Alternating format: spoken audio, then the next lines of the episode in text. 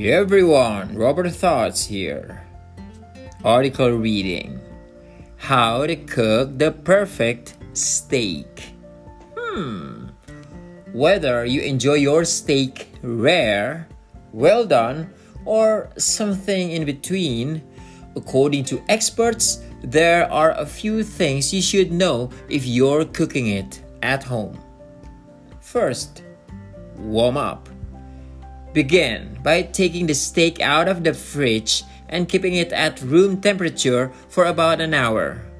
If it's cold going into the pan, the middle won't cook well. You should also make sure the pan is hot before the meat goes in. 2. Oil and seasoning. Some choose an oil without a strong flavor either brushing it on the meat or pouring a little into the pan. Some like butter, while others don't use anything at all. It's the same with seasoning. It depends on the sort of flavors you like. You could add salt and pepper before cooking, perhaps some garlic to the pan, or add your seasoning during cooking. 3 cooking. Touch, feel, turn. When cooking steak at home, people often say the meat gets too tough, so you'll need to watch it while it's in the pan. Many websites offer advice on how long to cook a steak depending on the cut, your favorite way of cooking it, and how thick the steak is.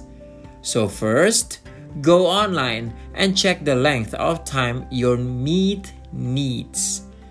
Then you'll need a pan that was enough space. Uh, I mean, that has enough space for your meat to lie flat.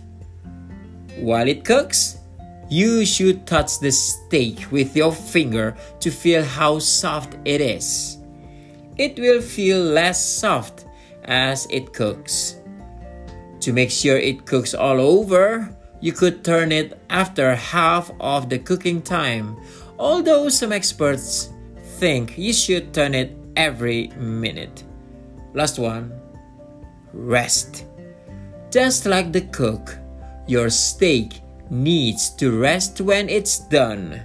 When it's cooked as you like it, allow the steak to rest for around 5 minutes before serving it. Thank you so much, everyone. That's it. Goodbye.